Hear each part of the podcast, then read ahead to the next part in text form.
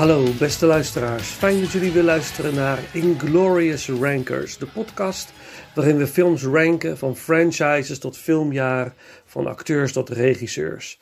Mijn naam is Vincent en in deze negende aflevering neem ik jullie mee in mijn persoonlijke ranking van de 80s Sylvester Stallone films. Ik beschouw deze afleveringen ook als een soort eerbetoon aan de legendarische filmster. De jaren 80 waren zijn gloriejaren en in deze periode ben ik opgegroeid en grootgebracht met de Rocky-films en later in de jaren 80 ook met de Rambo-films. Destijds nog een trilogie. Ik was groot Rocky-fan en bokste ook met mijn kleine broertje in onze woonkamer. Voor ons plezier natuurlijk, niet uit keiharde agressie. Ook al eindigde het wel vaak in gehuil nadat een van de twee de ander een te harde klap eh, verkocht. Maar goed, Rocky was een groot voorbeeld en eigenlijk nog steeds, maar nu op een andere manier. Nu is zijn simpele, maar toch doeltreffende levenswijsheid er een die mij inspireert en motiveert. Deze en de volgende aflevering zal ik ook opfleuren met filmfragmenten, delen van soundtracks en trailers. Maar voordat we daarmee starten, wil ik nog even kort stilstaan bij de vorige twee afleveringen, die volledig waren gewijd aan de Halloween franchise.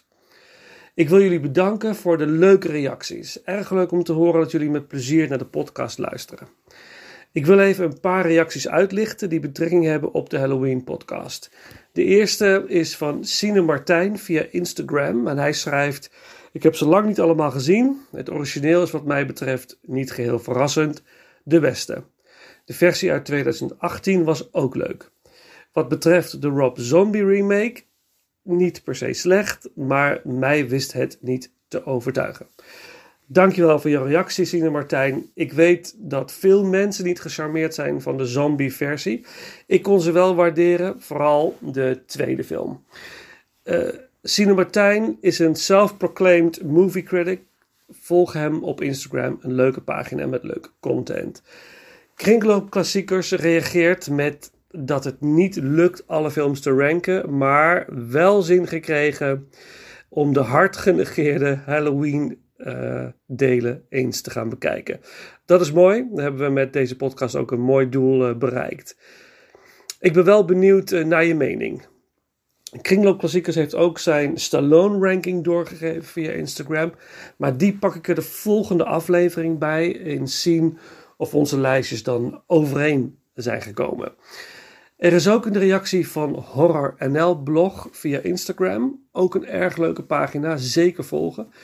Ook wil ik uh, Horror NL uh, blog bedanken voor een aantal goede tips. Ik heb een aantal titels genoteerd die ik vond op je pagina, die ik nog niet heb gezien en zeker ga kijken nu. Goed, Horror NL blog bedankt voor de interessante podcast over de Halloween franchise, stuurt hij. Nou, heel graag gedaan en dank voor het luisteren. Uh, hij, uh, Horror NL blog schrijft: Ik kan me vinden in de meeste posities, maar de werken van Rob Zombie bungelen wat mij betreft onderaan, met name deel 2. Zo zie je hoe meningen kunnen verschillen. De subtiliteit en klasse van de echte Halloween-films worden met modderige poten vertrapt door de stijl van deze regisseur. Zombie heeft wel prima films afgeleverd, maar had uit de buurt van Halloween moeten blijven. Dan zie ik nog liever Busta Rhymes met Michael Myers kung fu. Ja, nou geweldig. Nou, ik zeker niet. Ik begrijp het standpunt, want inderdaad, de zombie-versie haalt zeker de klasse van vooral de eerste Halloween-films niet. Maar hij maakt er iets eigens van, iets dat ik los zie van de classic. Maar goed, over Halloween is al heel veel gezegd. We slaan nu een andere weg in, en wel in die van 80s Stallone. Nu, eerst wat meer over de man zelf. Sylvester Stallone wordt geboren op 6 juli 1946 in New York. Zijn ouders hadden een slechte en vijandige relatie waarvan zowel hij als zijn broer Frank tot laat in hun leven last van bleven houden. Een scheiding kon er ook niet uitblijven. En Stallone heeft in zijn jongere jaren veel in uh, weeshuizen doorgebracht.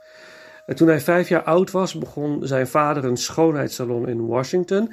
En toen zijn ouders gingen scheiden, bleef hij bij zijn vader wonen. Hij had het emotioneel zwaar en op school ging het ook niet best. Hij is dan ook van meerdere scholen weggestuurd.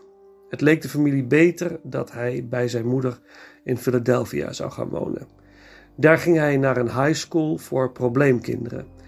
Na zijn afstuderen ging hij drama studeren aan the American College in Zwitserland waarna hij terugging naar Amerika om in Miami aan de universiteit zijn studie voort te zetten, met specialisatie kunst en drama. Nog voordat hij zijn diploma had behaald, is hij gestopt met school om in New York een acteercarrière te starten. Dat ging natuurlijk niet vanzelf En om alle eindjes aan elkaar te kunnen knopen had hij verschillende baantjes. Hij werkte in een dierentuin, waar hij onder andere de leeuwenkuil schoonmaakte, in een bioscoop en speelde in 1970 zelfs een rol in een softpornofilm The Party at Kitty and Studs. Daarna speelde hij kleine rollen in Bananas van Woody Allen in 1971 en Clute, ook uit 1971. Een iets grotere rol kreeg hij in de film The Lords of Flatbush met Henry Winkler en Perry King. Ook speelde hij een rolletje in de film Capone uit 1975. In The Prisoner of Second Avenue, ook 1975. En een niet onverdienstelijke rol in de film Death Race 2000 als Machine Gun Joe Viterbo. Naast acteren had Stallone ook een talent en een fascinatie voor schrijven. Er bestaan zelfs verhalen waarin wordt beweerd dat Stallone vanwege groot geld, geldgebrek de nachten in busstations moest doorbrengen en daar heel veel schreef. Inmiddels was hij ook getrouwd en was zijn vrouw zwanger. Niet echt een fijne periode om vrijwel geen geld te hebben, maar dat was precies waar hij doorheen ging. Gedurende deze moeilijke tijd schreef hij een script over een amateurbokser die de kans van zijn leven krijgt. Hij mag het gaan opnemen tegen de heavyweight champion of the world. En dit verhaal kennen we natuurlijk allemaal, want het is verfilmd als Rocky. Stallone verkocht het script alleen als hij zelf de hoofdrol van Rocky mocht spelen. Hij vond producers die het risico aandurfden en de rest is geschiedenis. Stallone werd wereldberoemd. En dit was in 1976. In deze podcast gaan we het hebben over Stallone in de jaren 80. De jaren waarin hij enorme successen boekte. Ik focus me in deze ranking op de films waarin hij acteerde. De film die hij slechts regisseerde, Staying Alive, doet dus niet mee. Het gaat om maar liefst 12 films. In deze aflevering nummer 12 tot en met nummer 7 en in de volgende nummer 6 tot en met nummer 1. Mocht je bepaalde films, bepaalde ethisch films van Stallone nog niet hebben gezien en niets gespoild wil, dan moet je de betreffende films eerst gaan kijken en later terugkeren, want er komen veel spoilers aan. Nou, laten we niet langer wachten en starten met de nummer 12.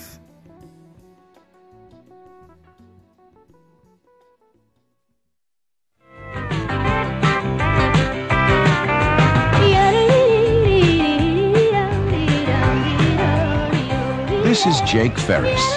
She's about to bet everything, and we mean everything, that she can turn the next guy she meets into a singing sensation. All right. The next normal person that comes by, I'll take him. The next, okay. I mean, the next guy that passes in front of my face. Any... Oh, how you doing? Nice night. Need a lift? Good luck, Jake. Sylvester Stallone. Dolly Parton. In the knockout comedy of the summer, Rhinestone. Coming soon.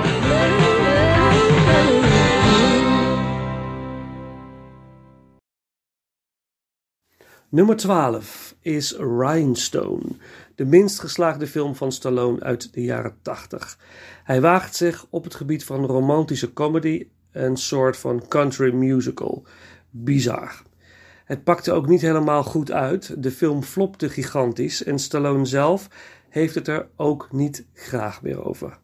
Hij deelt in deze film het scherm met niemand minder dan de countryzangeres en megaster Dolly Parton. Parton is een zangeres in een country en western bar slash club. Haar manager probeert in de club steeds weer een nieuw talent te introduceren, maar de kandidaten worden steeds door het publiek weggejoeld. De manager, Freddy, wil niets liever dan het bed delen met Jake, de rol van Parton. Dus wanneer zij claimt van iedere willekeurige man een countryster te kunnen maken, ziet hij zijn kans schoon en sluit een weddenschap met haar af. Ze krijgt twee weken de tijd om van een compleet onervaren man een zanger te maken. En verliest ze, dan moet ze naar bed met Freddy. Stallone speelt een chaotische, spreekgrage taxichauffeur die per toeval het pad kruist van Jake en hij is the chosen one. Omdat hij net zijn taxi in de prak heeft gereden, gaat hij akkoord met de deal mits hij een compleet nieuwe taxi krijgt. De twee gaan aan de slag en er bloeit langzaam iets moois op tussen Stallone en Dolly Parton. Echt, wat een combinatie. Het past totaal niet, maar dat is wellicht ook de bedoeling van de film. En langzaamaan zien we Stallone transformeren tot zanger. Het is hilarisch, maar dan hilarisch slecht. Maar natuurlijk loopt alles goed af en laat Stallone in een spetterende finale zien wat hij heeft geleerd.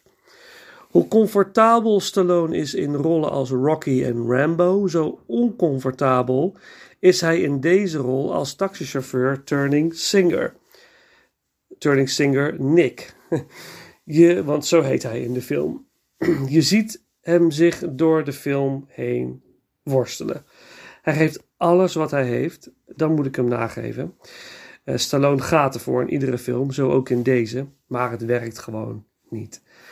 Ook al vond Stallone de film zelf vreselijk, de samenwerking met Dolly Parton beschrijft hij als een van de meest prettige uit zijn carrière. Nu moet ik ook bekennen dat Parton erg charmant overkomt in de film en volgens mij ook meer zichzelf speelt. In haar autobiografie schrijft ze dat de soundtrack van Rhinestone haar beste werk is. En ik geloof best dat voor de ware country-liefhebber deze soundtrack helemaal niet zo slecht is. Al met al is de film ook niet rete slecht. Ik heb best een fun time gehad met het kijken van Rhinestone, maar het is zonder enige twijfel de minst goede film van de serie jaren 80 films van Stallone. Nou oké, laten we dan toch even gaan luisteren naar Stallone als zanger in the film Rhinestone.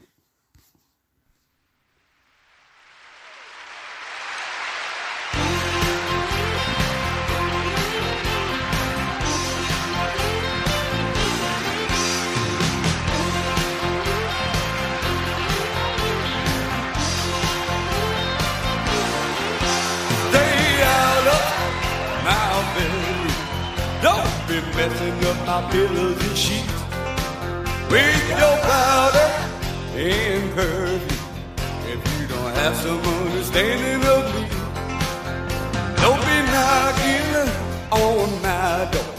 If you don't wanna play my fantasies, stay out of my bedroom. Baby, you can't take the heat. If you want it, come and get it, baby. Satisfaction guaranteed. I'm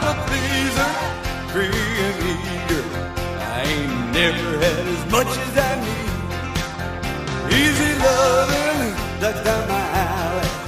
I may be easy, but at least I am cheap. Stay out of my bedroom, baby, baby, you can't take the heat. Stay out of,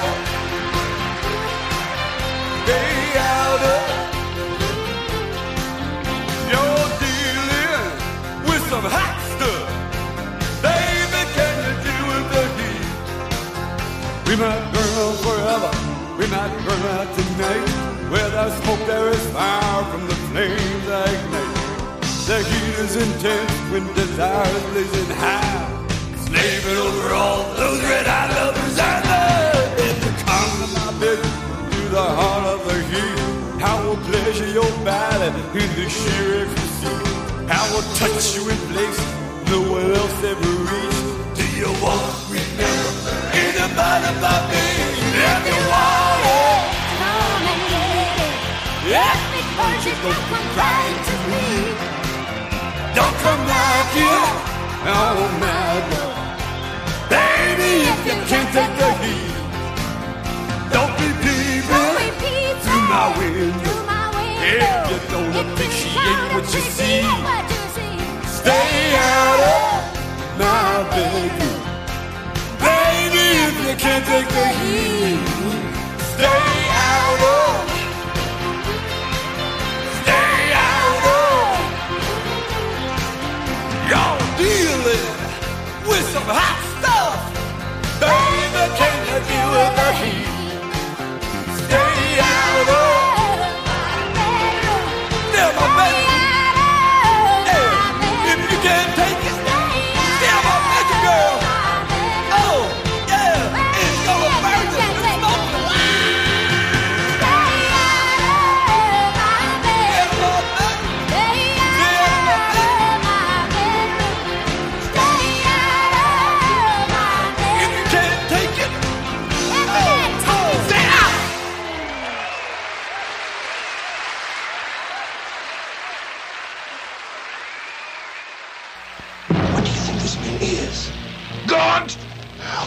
have mercy. He won't. He's a soldier who never draws first blood.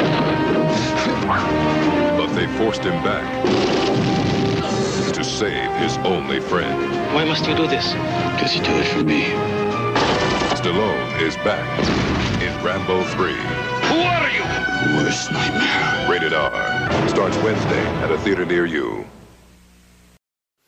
Jullie hoorden de trailer al. De nummer 11. De nummer 11 is voor Rambo 3 uit 1988. De derde film in de Rambo franchise. En deze film ging in première zomer 1988. Ik was 12 jaar en groot Stallone-fan.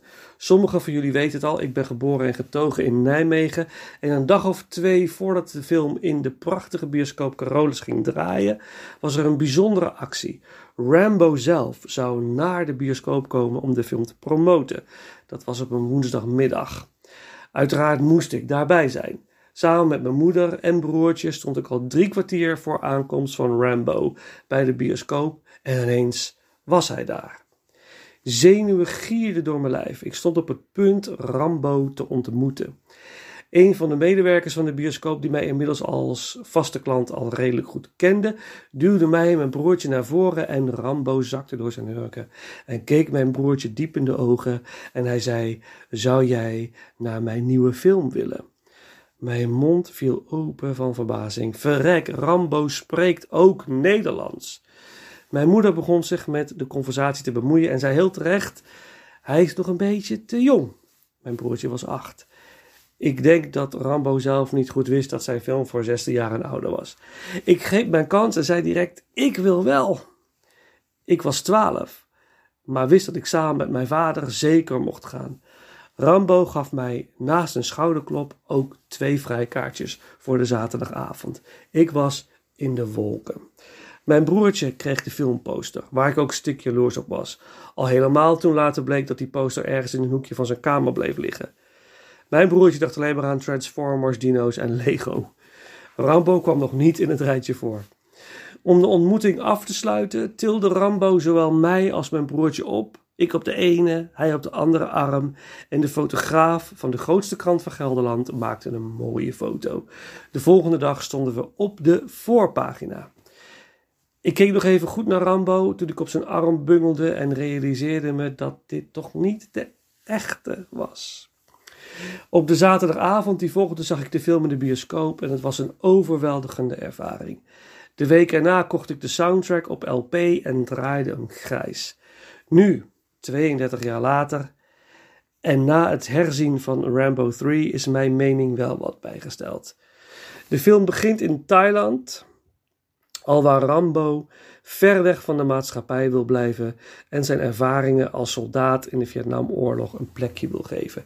Hij werkt met monniken aan het bouwen van een tempel en verdient wat bij als stokvechter. Dit vredelievende bestaan wordt ruw verstoord door de komst van kolonel Trotman, de man waar hij onder diende in Vietnam. Trotman vraagt Rambo hem te vergezellen op een geheime missie in Afghanistan om een van de, om, uh, de vrijheidsstrijders daar te helpen in hun strijd tegen de Russen en het mogelijk onderscheppen van een corrupte Sovjet-commandant die ongeoorloofde aanslagen pleegt op de Afghaanse bevolking. Uh, Rambo ziet het niet zitten en Trotman gaat zonder hem. Dit gaat natuurlijk niet helemaal goed en hij wordt gevangen genomen door de corrupte Sovjet-commandant. Zodra Rambo dit te horen krijgt, ziet hij het als zijn taak om de kolonel te bevrijden. Hij gaat naar Afghanistan, sluit zich aan bij de Mujahideen, de vrijheidsstrijders, en bevrijdt Trotman en rekent af met Sovjet-commandant en zijn handlangers. Spectaculaire actie, super soundtrack, mooi camerawerk en zeker entertaining. Toch mis ik iets in deze Rambo-films. Eh, Rambo-film. De eerste twee films hadden beide te maken met de oorlog waar Rambo zelf uitkwam en die van hem een killing machine uh, had gemaakt. In deze film gaat het om een oorlog die verder van hem afstaat. Verder was het in die tijd ook een conflict dat werkelijk speelde. De Russen waren Afghanistan binnengevallen en hadden daar aardig huis gehouden. En op het moment dat de film in de bioscoop kwam, waren de Russen alweer vertrokken uit Afghanistan. Maar het maakt de film ergens ook een beetje pijnlijk. Het is een, het is een vreselijk conflict geweest. Dat wordt zeer geromantiseerd in deze film. En Amerika zat, zat destijds natuurlijk midden in het conflict met Rusland. Dus Rambo komt ten tonele en ten koste van alle Afghaanse slachtoffers rekent hij even af met de grote vijand. Nu is dat wellicht niet zo bedoeld door Stallone, dus misschien is de kritiek niet helemaal terecht. Of toch wel. Nou, los daarvan is de film onderhoudend, maar niet zo als de eerste twee delen, naar mijn mening. Stallone kreeg er in ieder geval een uh, jet voor ter waarde van 12 miljoen dollar naast zijn riante salaris. Wel verdiend, want Stallone gaat ervoor in deze film. Tijdens de opnames werd hij bijna geraakt door de propeller van een laagvliegende helikopter. He, eh, om een voorbeeld te noemen. De film is geregisseerd door Peter McDonald, uiteindelijk, want de oorspronkelijke regisseur was Russell Mulcahy, die we kennen als de regisseur van onder andere Highlander. Maar door creatieve meningsverschillen met Stallone werd hij ontslagen en vervangen door McDonald. Ook vertrokken er drie cameramannen. En dit soort dingen schenen wel vaker te gebeuren tijdens filmopnames met Stallone. Hij schijnt niet de meest makkelijke man te zijn om mee te werken. Een groot ego, zegt men. Maar ja, dat grote ego leverde wel wat pareltjes af. Helaas is deze film in mijn ogen geen parel, ook al heb ik er als kind wel zeer van genoten en heeft de film daardoor toch een nostalgische waarde. Toch is Rambo 3 voor mij een van de mindere jaren 80 Stallone films. Nu, nummer 10. When two of LA's top rival cops You know me, huh? Yeah, I hear you're the second best cop in LA. That's funny. I hear the same thing about you. go gunning for trouble, they drive each other crazy. Tango and Cash. Did you sleep with my sister? I was so drunk. I honestly, I don't remember, okay? Sylvester Stallone and Kurt Russell are Tango and Cash. Rated R. Starts Friday, December 22nd at a De nummer 10 is voor Tango and Cash, de laatste film met Stallone die uitkwam in de jaren 80 en wel in het jaar 1989. Een zeer onderhoudende actiefilm. Tango en Cash, beide agenten met een geheel eigen manier van werken. Ze worden gedwongen samen te werken met elkaar wanneer een crimebaas, gespeeld door Jack Palance, ervoor zorgt dat ze worden beschuldigd voor een moord die ze niet hebben gepleegd. Ze komen in de gevangenis en ontsnappen samen om vervolgens af te rekenen met de crimebaas, zijn mannetjes en om zo hun onschuld te bewijzen. Dit doen ze natuurlijk op spectaculaire wijze. Zeer vermakelijk. Deze film speelt handig in op de body cop trend die in de jaren 80 ontstond en tot groot succes werd gemaakt door Lethal Weapon uit 1987. De buddy cop films, twee agenten moeten samenwerken, maar zijn super verschillend van elkaar, eh, zorgen vaak voor de nodige comedy. Dat werkte goed in Lethal Weapon, maar in Tango and Cash niet altijd. De grappen zijn soms wel erg flauw, maar soms ook zeker wel on point.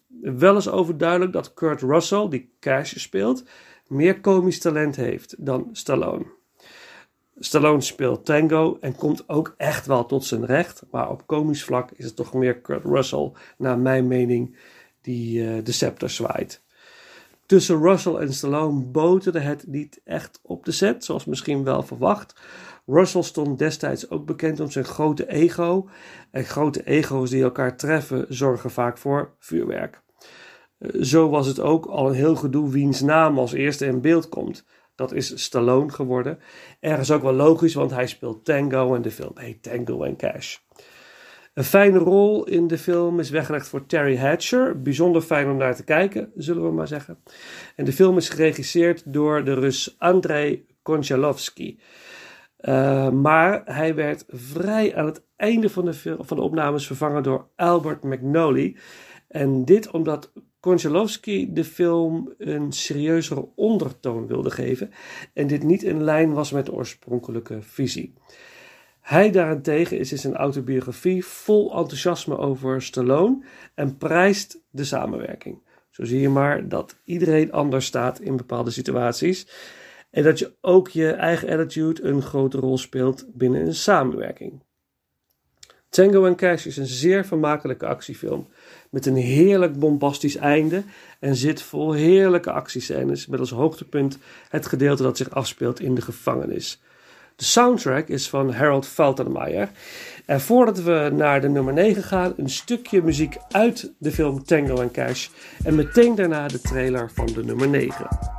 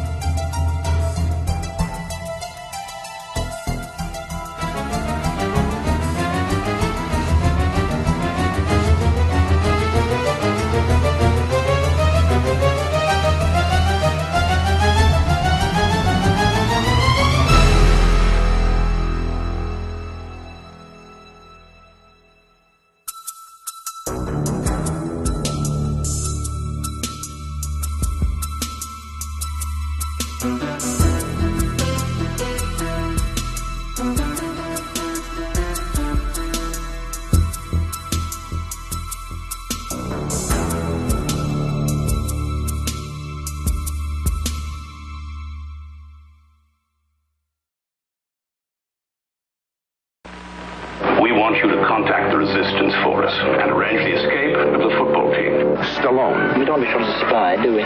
No, I don't want to be shot as anything. Kane. I won't be responsible for your death. Von Sydow. The German national team will play a combined team from the prisoners of war. Pele. How'd you like to play football against the Germans? Why not? Victory. Now is the time for heroes. Rated PG. Starts Friday. Guilds Embassy 5, Reeds Baronet, and a theater near you. De nummer 9. Voor mij een verrassing, want ik had deze film nog nooit gezien. Natuurlijk wist ik wel dat de film bestond, maar ik heb hem eigenlijk steeds genegeerd met het idee van: denk dat ik het toch niks vind. Het mooie aan het maken van een ranking is dat je wel alle films moet hebben gezien, dus ik kwam er niet meer onderuit. Ik moest de film Escape to Victory uit 1981 gaan bekijken.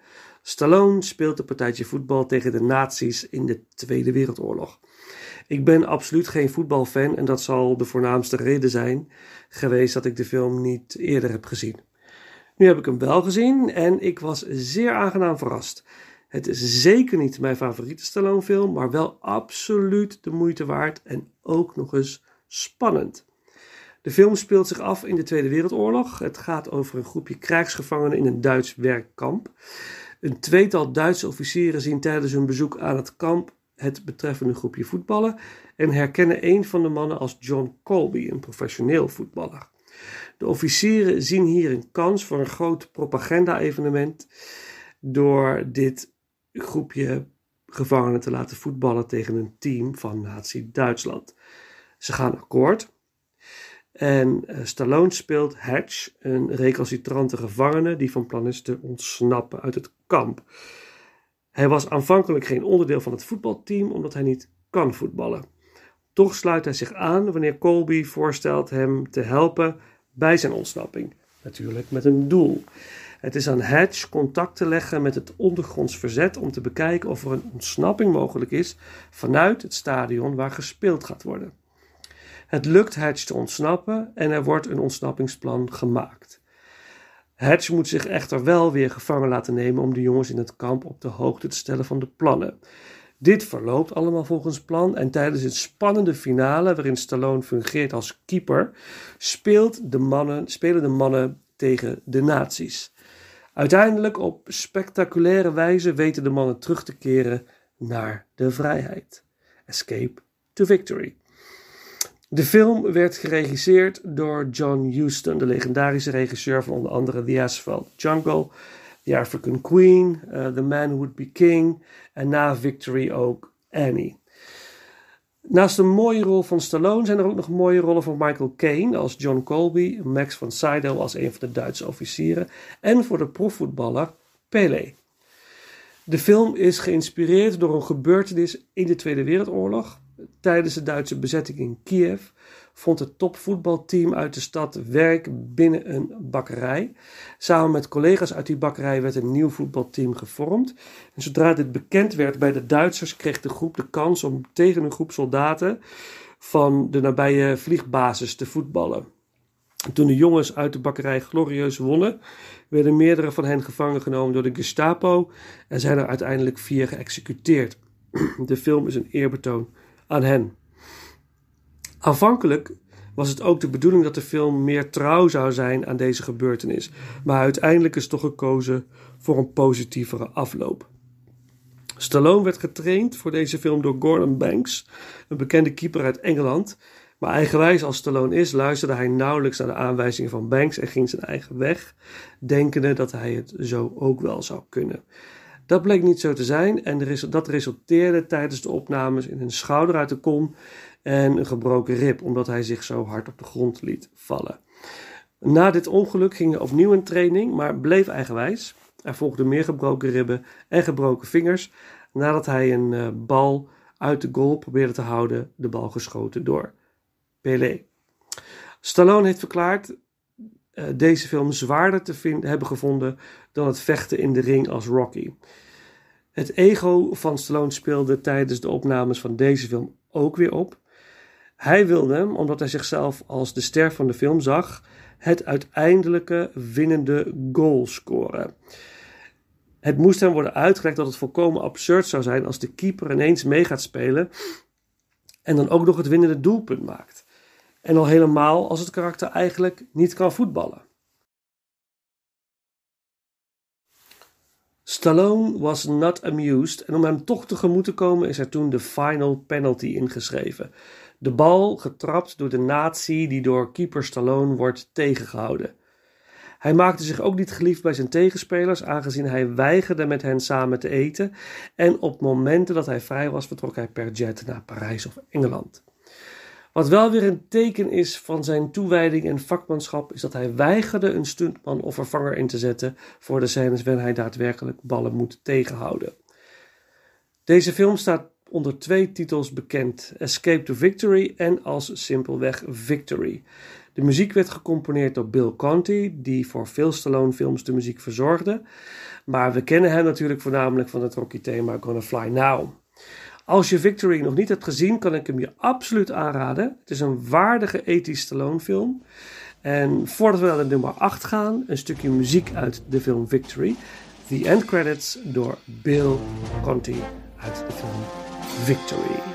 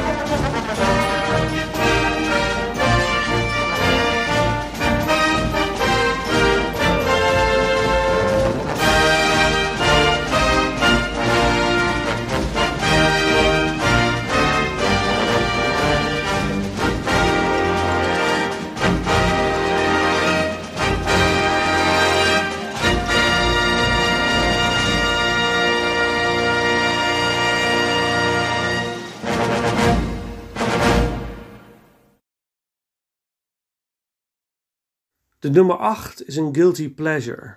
Een film die door nostalgie warme gevoelens oproept. Op een woensdagmiddag na school in de prachtige bioscoop Carolus zag ik de film samen met een vriendje. Ik was 11 jaar en deze film was het helemaal. Stallone was mijn held en door deze film werd hij dat nog een beetje meer. Nu zie ik in hoe cheesy het allemaal is en absurd, maar toen was het top.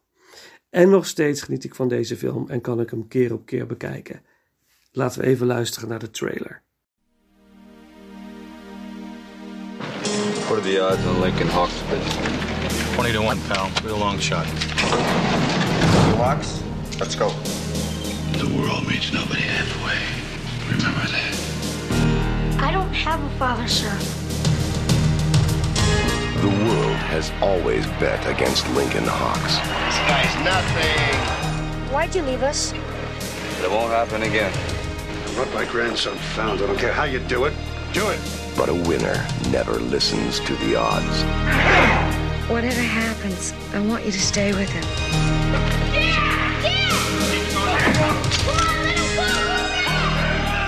Where'd we end up? Together is all I can guarantee. You ain't got a prayer in Vegas. You never had anything, so you have nothing to lose. All I want to do is hurt him, cripple him, get him off the table. All I care about is you. You're my boy. You understand? The world beats nobody halfway. Now is the time to do for yourself. I'm all you. Over the top, Dad! Over the top! Sylvester Stallone, over the top.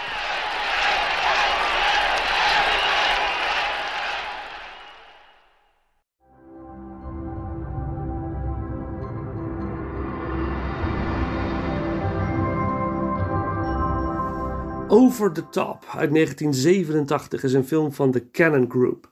En zelfs geregisseerd door een van de Cannon broers, Menachem Golan.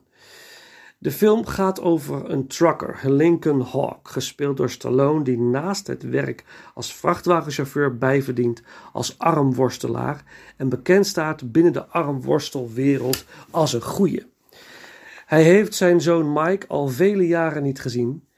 En nu de moeder zeer ernstig ziek is, is haar wens dat vader en zoon elkaar gaan leren kennen.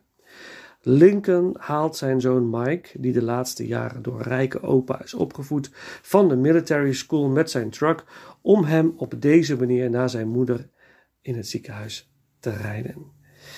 Tijdens deze tocht krijgen vader en zoon de kans een band op te bouwen. Dit gaat natuurlijk niet zonder slag of stoot, maar langzaamaan krijgen vader en zoon respect voor elkaar en leren ze beide nieuwe waarden. Wanneer opa zich met de zaak gaat bemoeien, wordt het alleen nog maar lastiger. En wanneer moeder ook nog eens komt te overlijden, is het drama compleet. Opa houdt Mike bij zijn vader weg, maar de jongen heeft inmiddels meer liefde voor zijn vader dan voor opa en ontsnapt uit opa's klauwen. Terwijl Lincoln zich klaarmaakt voor de kampioenschappen armworstelen, die hem wanneer hij wint een glorieuze toekomst kunnen bezorgen, is Mike naar hem onderweg. Terwijl Lincoln de wedstrijd wint, vinden vader en zoon elkaar opnieuw en rijden een zonnige toekomst tegemoet. Jeetje, oké, wat een verhaal. Maar goed, niet te veel nadenken en go with the flow.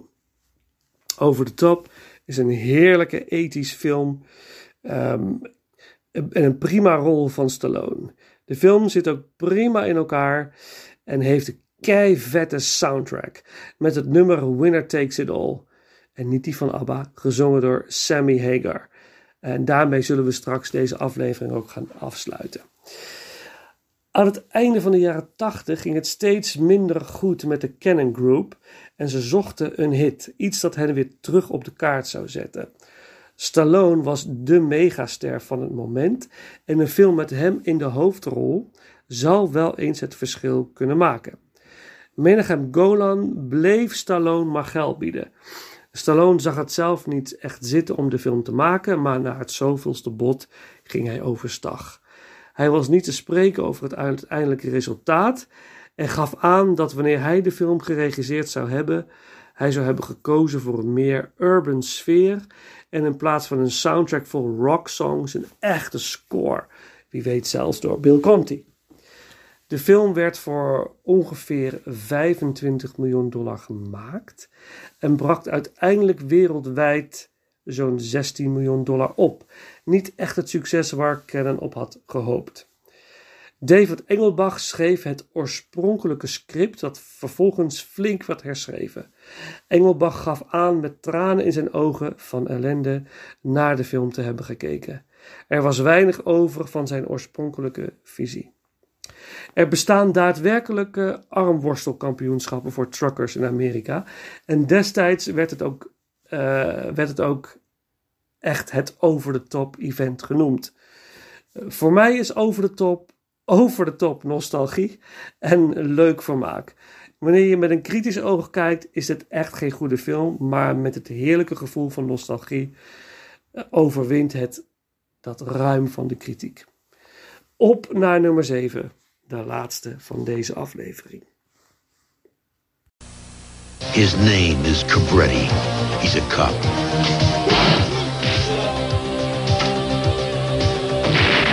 He believes that victims have rights and that crime's a disease. He's the cure. They call him Cobra, the strong arm of the law. Stallone is Cobra. Opens this week at a theater. Op nummer 7. De kenners zullen de track die na de intro klonk hebben herkend. Angel of the City, gezongen door Robert Tapper, komend van de soundtrack van de nummer 7, Cobra uit 1986. Een film ook geproduceerd door de Cannon Brothers, menigem Golan, Golan en Joram Glowes maar een veel betere entry dan Over the Top. Ook hebben ze deze film uitgebracht in samenwerking met Warner Brothers. In de United States viert criminaliteit hoogtij. Een man, één man, ziet zichzelf als The Cure, het geneesmiddel. Agent Marion Cobretti, Cobra, gespeeld door Stallone. Hij krijgt te maken met een moordlustige organisatie, een secte. Ze noemen zichzelf de New World en willen eigenlijk de wereld opschonen door meedogenloos te moorden. Wanneer een van hun potentiële slachtoffers, een model gespeeld door Bridget Nielsen, een aanval van hen overleeft, is het aan Cobretti om haar te begeleiden en te beschermen naar een veilige oord. Maar ondertussen is de organisatie die hen op het, hen op het spoor door middel van een infiltrant binnen de politie. En nu is het aan Stallone om definitief af te rekenen met de organisatie. En dat doet hij natuurlijk op onnavolgbare wijze. Cobra is een heerlijke actiethriller. Destijds, toen hij in de bioscoop draaide en ik tien jaar oud was, was er niet, was er, uh, en er niet naartoe mocht, staarde ik me blind op de fantastische filmposter en lobbycards in de vitrines van de bioscoop. Er stond op de poster alleen geschikt voor mensen met stalen zenuwen. Dit moest wel een hele heftige en enge film zijn. Jaren later zag ik hem op VHS en het valt reuze mee, moet ik zeggen. Er zitten brute moordscènes in, maar niet zo heftig dat men er nachtmerries van krijgt. Uh, het is wel zo dat er een langere versie uh, bestaat, van meer dan twee uur. Uh, dat schijnt, daar schijnen wel meer uh, X-rated scènes in te zitten. De bad guy is dusdanig over de top dat het bijna komisch wordt. En Stallone is bijna komisch serieus. Maar toch, Cobra is echt een topactiefilm. A hell of a ride. And a hell of a good time. And a hell of a soundtrack. Tijdens de opnames van de film had Stallone een relatie met Bridget Nielsen. Uh, de vrouwelijke, uh, het model en de vrouwelijke hoofdrolspeler in deze film. En ook zijn ego speelde weer op. Op een bepaald moment is hij naar de cameraman Rick Wade gegaan om een punt te maken. Ze lagen achter op schema en Stallone vond dat iedereen harder moest werken. Wade was niet gediend van het ego van Stallone en zei hem dat hij dan maar wat minder aan de reet van Bridget Nielsen moest zitten en wat minder zijn spieren moest showen aan de crew. Stallone was hiervan onder de indruk en paste zijn gedrag aan.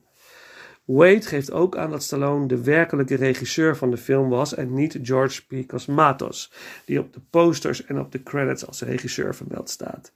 Het gerucht gaat ook dat niemand van de supporting cast mocht praten met Stallone tenzij hij zelf het initiatief nam. Het script van Cobra was in een ruwe versie eigenlijk het script voor Beverly Hills Cop, waar Stallone aanvankelijk de hoofdrol in zou spelen. Toen de studio er meer een comedy van wilde maken, trok Stallone zich terug en gebruikte het materiaal voor Cobra. Vergeleken met voorgangers Rambo First Blood Part 2 en Rocky 4 vielen de opbrengsten tegen naar verwachting. Alhoewel de film met een budget van 25 miljoen toch 160 miljoen wereldwijd opbracht. De oorspronkelijke film was iets langer dan twee uur, zoals ik al net al zei, maar dat is drastisch ingekort naar 87 minuten. Dit heeft ook te maken, niet alleen maar om de film uh, minder schokkend te maken, maar ook omdat in 1986 Top Gun een mega-hit was en ze wilden concurreren met deze film. En ze wilden eigenlijk de hit evenaren. En uh, door de film in te korten, creëerden ze de mogelijkheid om meerdere shows op een dag te kunnen, kunnen houden. Dit zorgde wel voor aanzienlijk wat plotgaten in de uiteindelijke film. Cobra is gebaseerd op een boek, Fair Game, van Paula Gosling. En dit boek is later opnieuw verfilmd als Fair Game met William Baldwin en Cindy Crawford. Een van mijn favoriete regisseur, Nicholas Winding Refn, is een groot fan van Cobra. Kleine hommage zie je in zijn fenomenale film Drive uit 2011. Natuurlijk de Cobra op het jasje en het luciferhoutje dat Ryan Gosling af en toe in zijn mond heeft. Ook een trademark van Cobretti. Ik vond Cobra zeer de moeite waard. Een leuke, onderhoudende actiefilm. Cobra brengt ons aan het einde van de eerste 80s Stallone aflevering. In de volgende aflevering, de nummer 6 tot en met nummer 1. Ik ben heel benieuwd naar jouw ranking. Deel die met me via Facebook, Instagram of ook tegenwoordig Twitter. En ik neem het mee in de komende aflevering. Mocht je onze podcast leuk vinden, laat het dan weten via een review. Zo kunnen nieuwe luisteraars ons ook makkelijker vinden. Voor nu bedankt voor het luisteren. Tot de volgende ronde. En ik sluit af met het nummer Winner Takes It All uit de film Over the Top.